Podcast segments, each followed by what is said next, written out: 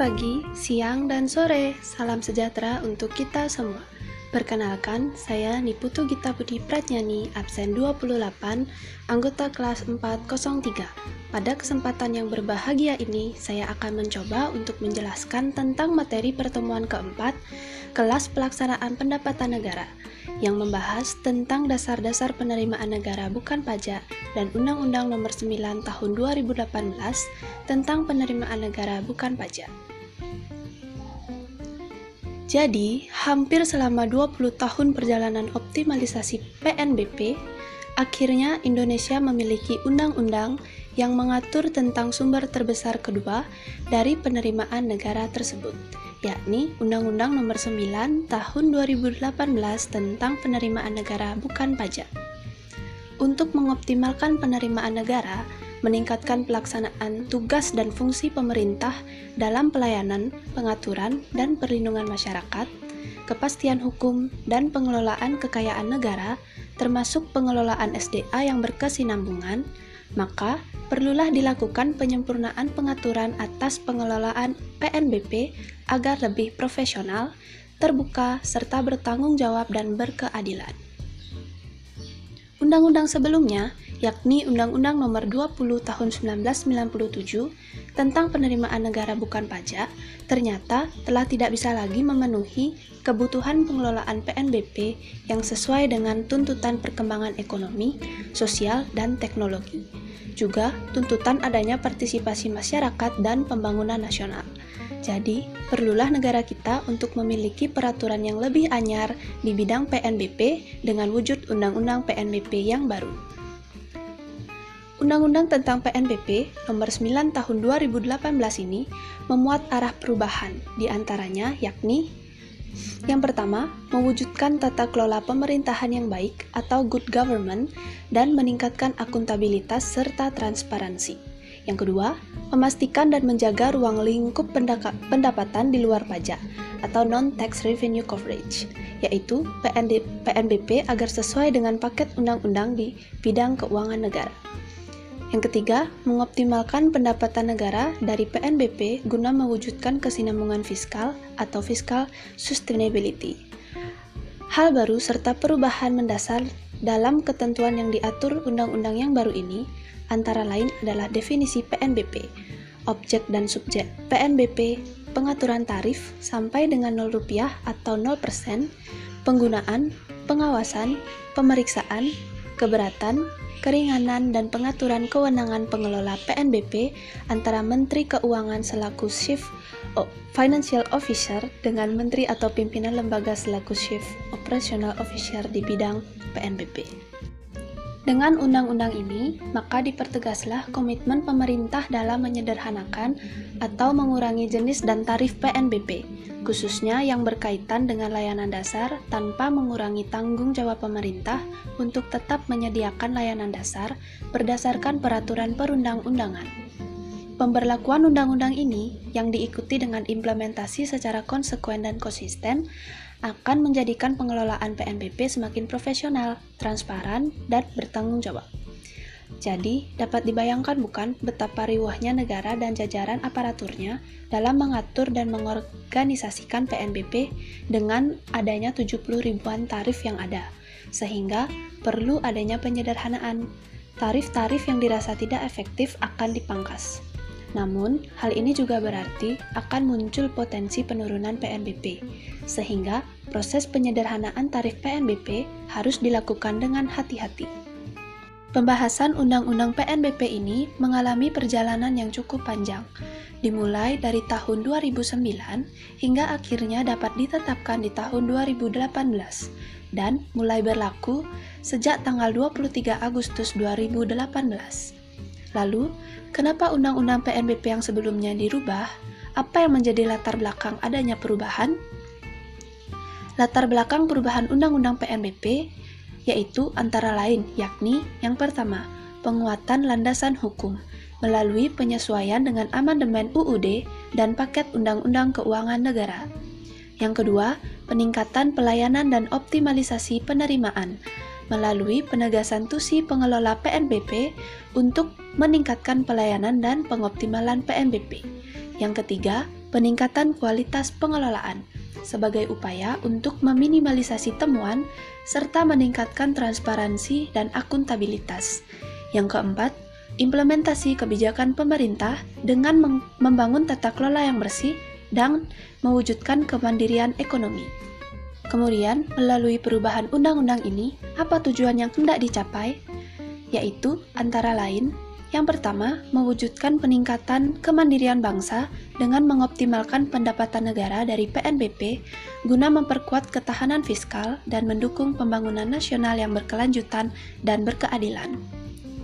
Yang kedua, mendukung kebijakan pemerintah dalam rangka perbaikan kesejahteraan rakyat, peningkatan pertumbuhan ekonomi yang berkualitas, perbaikan distribusi pendapatan, dan pelestarian lingkungan hidup untuk kesinambungan antar generasi dengan tetap mempertimbangkan aspek keadilan.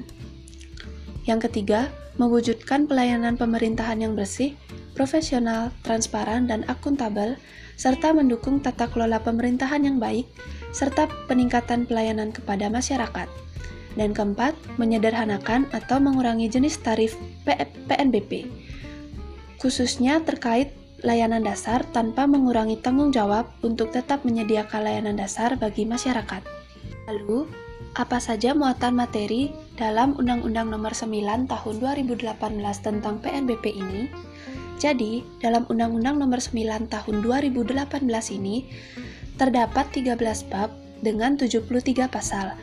Jumlah yang cukup kontras dengan undang-undang sebelumnya yang memuat hanya 8 bab dengan 24 pasal. Pada Undang-Undang Nomor 9 Tahun 2018, Bab 1 memuat ketentuan umum. Bab 2 memuat objek dan subjek PNBP. Bab 3 memuat tarif dan jenis PNBP. Bab 4 tentang kewenangan pengelolaan PNBP. Bab 5 tentang pengelolaan PNBP.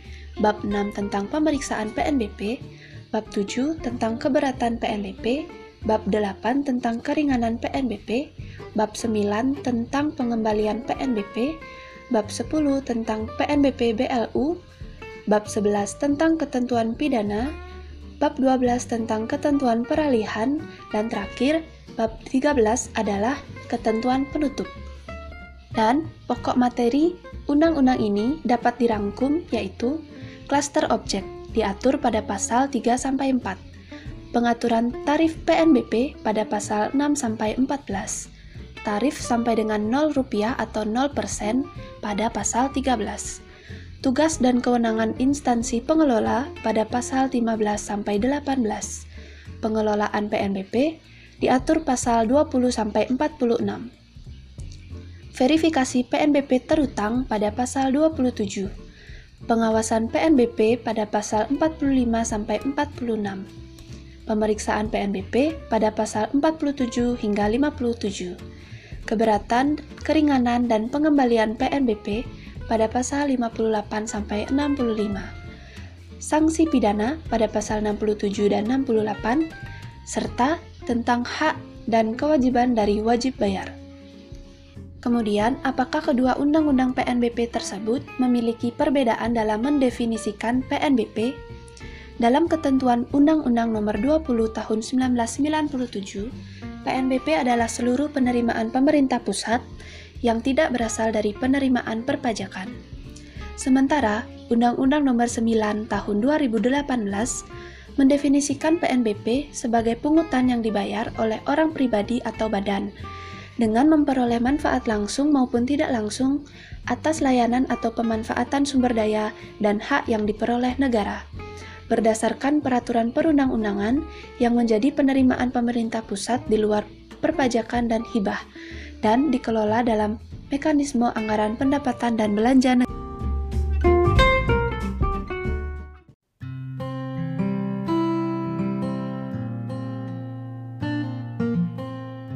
Lalu, klaster objek PNBP apa saja yang ada dalam UU nomor 9 tahun 2018? Klaster objek PNBP dalam UU nomor 9 tahun 2018 yakni antara lain pemanfaatan SDA meliputi bumi, air, udara, ruang angkasa dan kekayaan alam yang dikuasai oleh negara. Kemudian bidang pelayanan yakni penyediaan barang, jasa atau pelayanan administratif yang menjadi tanggung jawab pemerintah. Kemudian, pengelolaan kekayaan negara yang dipisahkan, yaitu kekayaan negara yang berasal dari APBN yang dijadikan penyertaan modal negara atau perolehan lainnya. Lalu ada pengelolaan B BMN, meliputi penggunaan, pemanfaatan, dan pemindah tanganan semua barang yang diperoleh atas beban APBN dan perolehan lain yang sah. Kemudian, pengelolaan dana, yaitu dana pemerintah yang berasal dari anggaran pendapatan dan belanja negara atau perolehan lain. Dan terakhir adalah hak negara lainnya selain lima objek sebelumnya sesuai dengan peraturan perundang-undangan. Pengaturan tarif PNBP dalam undang-undang ini dengan dasar pertimbangan pengaturan tarif diatur masing-masing sesuai dengan klaster, antara lain pertama, nilai manfaat, kadar atau kualitas sumber daya alam. Kedua, dampak pengenaan tarif terhadap masyarakat, dunia usaha, dan alam. Yang ketiga, kebutuhan investasi, kondisi keuangan, dan atau operasional badan. Yang keempat, nilai guna aset tertinggi dan terbaik. Kelima, aspek keadilan. Keenam, kebijakan pemerintah. Dan dasar hukum penetapan tarif PNBP dilekatkan langsung kepada 6 klaster objek PNBP, yaitu pemanfaatan sumber daya alam dengan UU, kontrak, dan PP.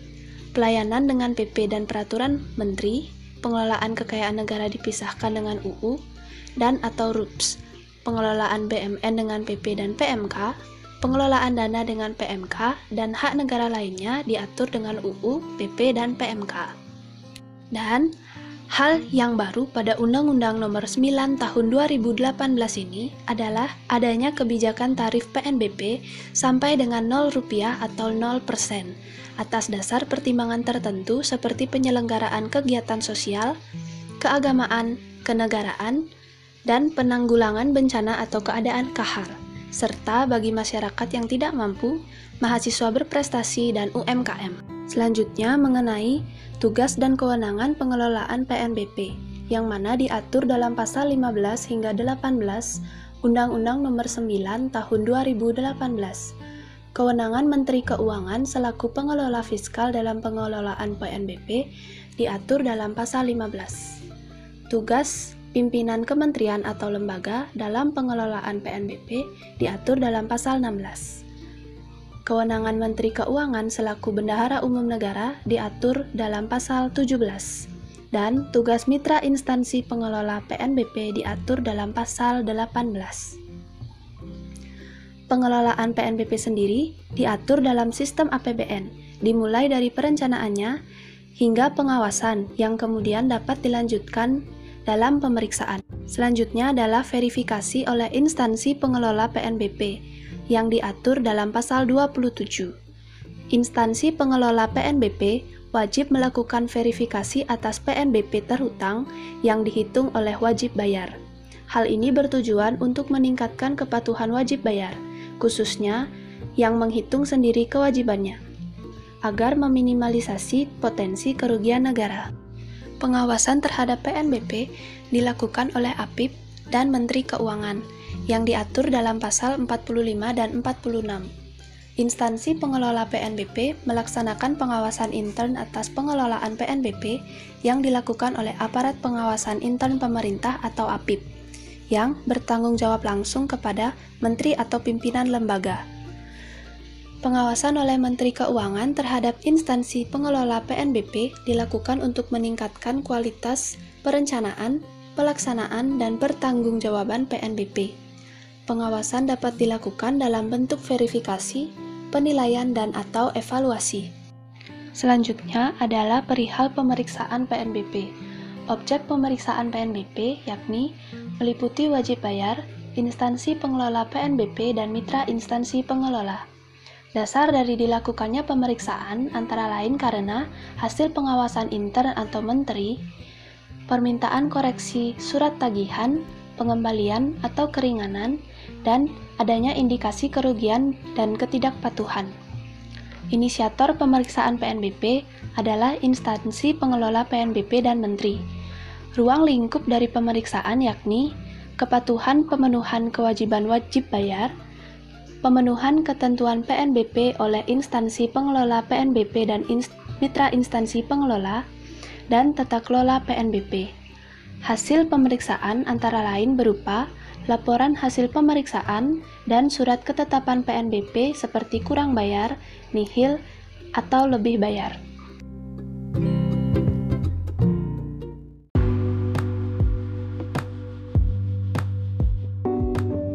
Bahasan selanjutnya adalah keberatan, keringanan, dan pengembalian PNBP yang diatur dalam pasal 58 hingga 64. Keberatan diajukan oleh wajib bayar atas surat ketetapan lebih bayar, surat ketetapan nihil, atau surat ketetapan kurang bayar yang diajukan ke instansi pengelola dan diterbitkan persetujuan atau penolakan. Keputusan bersifat final dan wajib bayar dapat mengajukan gugatan atas putusan keberatan ke PT TUN. Keringanan dasar pengajuannya yaitu kondisi kahar, kesulitan likuiditas atau kebijakan pemerintah. Bentuk keringanan yang dapat diperoleh seperti pengangsuran, penundaan, pembebasan, pengurangan. Keringanan pengurangan dan pembebasan membutuhkan persetujuan menteri dan atau pertimbangan APIP atau rekomendasi instansi pemeriksa. Untuk pengembalian, dasar pengajuannya adalah karena salah bayar atau setor, salah pungut, penetapan atas pengajuan keberatan, putusan pengadilan, hasil pemeriksaan, pelayanan yang tidak terpenuhi atau karena ketentuan perundang-undangan. Dan bentuk pengembalian dapat berupa pembayaran di muka kewajiban PNBP terutang selanjutnya atau pemindah bukuan. Sekarang saya akan mencoba untuk menjelaskan alur pengajuan keberatan PNBP. Jadi, surat ketetapan kurang bayar atau surat ketetapan nihil atau surat ketetapan lebih bayar diajukan oleh wajib bayar untuk pengajuan keberatan. Dengan catatan, surat ketetapan kurang bayar tidak menunda kewajiban PNBP yang terhutang diajukan paling lambat tiga bulan setelah tanggal surat ketetapan. Kemudian, penetapan atas keberatan paling lambat dilakukan selama enam bulan. Apabila wajib bayar tidak setuju atas keputusan keberatan PNBP, wajib bayar dapat mengajukan gugatan melalui Pengadilan Tata Usaha Negara. Ketentuan lebih lanjut dalam pengajuan keberatan PNBP diatur dengan pengaturan pemerintah. Selanjutnya, saya juga akan mencoba untuk menjelaskan pengembalian PNBP. Dasar dari pengembalian PNBP dapat karena salah bayar, salah pungut, penetapan pimpinan instansi pengelola, adanya putusan pengadilan, karena hasil pemeriksaan, karena pelayanan yang tidak terpenuhi, atau karena ketentuan perundang-undangan atas permohonan pengembalian PNBP oleh wajib bayar dengan catatan permohonan tidak lebih dari lima tahun sejak kelebihan bayar. Khusus untuk dasar putusan pengadilan dan hasil pemeriksaan, permohonan tidak lebih dari dua tahun sejak penetapan putusan atau terbitnya LHP. Permohonan pengembalian PNBP diajukan wajib bayar kepada instansi pengelola yang akan menerbitkan surat persetujuan atau surat penolakan. Dengan diterbitkannya surat persetujuan, kemudian akan dilanjutkan dengan prosedur pengembalian PNBP yang dilakukan dalam dua bentuk, yaitu dapat diperhitungkan sebagai pembayaran di muka PNBP terutang berikutnya atau dalam bentuk tunai. Pengembalian dalam bentuk tunai dilakukan apabila karena pengakhiran kegiatan usaha wajib bayar, putusan pengadilan, tidak ada kewajiban PNBP sejenis yang berulang, pengembalian sebagai pembayaran di muka lebih dari satu tahun atau karena kondisi kahar. Dan ketentuan lebih lanjut tentang pengembalian PNBP diatur dengan peraturan pemerintah. Pembahasan selanjutnya adalah pengaturan sanksi PNBP. Pengaturan sanksi PNBP diatur dalam pasal 67 dan 68. Wajib bayar yang menghitung sendiri kewajiban PNBP yang dengan sengaja tidak membayar atau menyampaikan laporan PNBP terutang yang tidak benar dapat dipidana dengan pidana denda sebanyak 4 kali jumlah PNBP terutang dan pidana penjara paling singkat 2 tahun dan paling lama 6 tahun. Dan setiap orang yang dengan sengaja tidak memberikan dokumen, keterangan, dan atau bukti lain yang dimiliki atau memberikan dokumen, keterangan, dan atau bukti lain yang dimiliki namun isinya tidak benar, dipidana dengan pidana denda paling banyak sebanyak 1 miliar rupiah atau pidana kurungan paling lama satu tahun. Dan sekarang, akan memasuki materi yang terakhir, yaitu tentang wajib bayar, yang diatur dalam Undang-Undang Nomor 9 Tahun 2018 pada pasal 38, 58, 62, dan 63. Hak wajib bayar dalam Undang-Undang Nomor 9 Tahun 2018 yakni antara lain wajib bayar dapat mengajukan permohonan koreksi terhadap surat tagihan PNBP kepada instansi pengelola PNBP atau mitra instansi pengelola PNBP wajib bayar dapat mengajukan keberatan pada instansi pengelola PNBP. Wajib bayar dapat mengajukan permohonan keringanan PNBP terutang kepada instansi pengelola PNBP dan wajib bayar dapat mengajukan permohonan pengembalian PNBP terutang kepada instansi pengelola PNBP. Lalu, kewajiban wajib bayar dalam Undang-Undang Nomor 9 Tahun 2018 adalah yang pertama, wajib bayar penghitung PNBP terutang untuk PNBP self-assessment. Yang kedua, wajib bayar membayar PNBP terutang ke kas negara paling lambat pada saat jatuh tempo. Yang ketiga, wajib bayar yang menghitung sendiri PNBP terutang wajib menata usahakan PNBP. Yang keempat, wajib bayar menyampaikan laporan realisasi PNBP dan laporan PNBP terutang kepada instansi pengelola PNBP. Dan terakhir, Wajib bayar memberikan memperlihatkan dan atau menyampaikan dokumen, keterangan dan atau bukti lain yang diminta oleh instansi pemeriksa.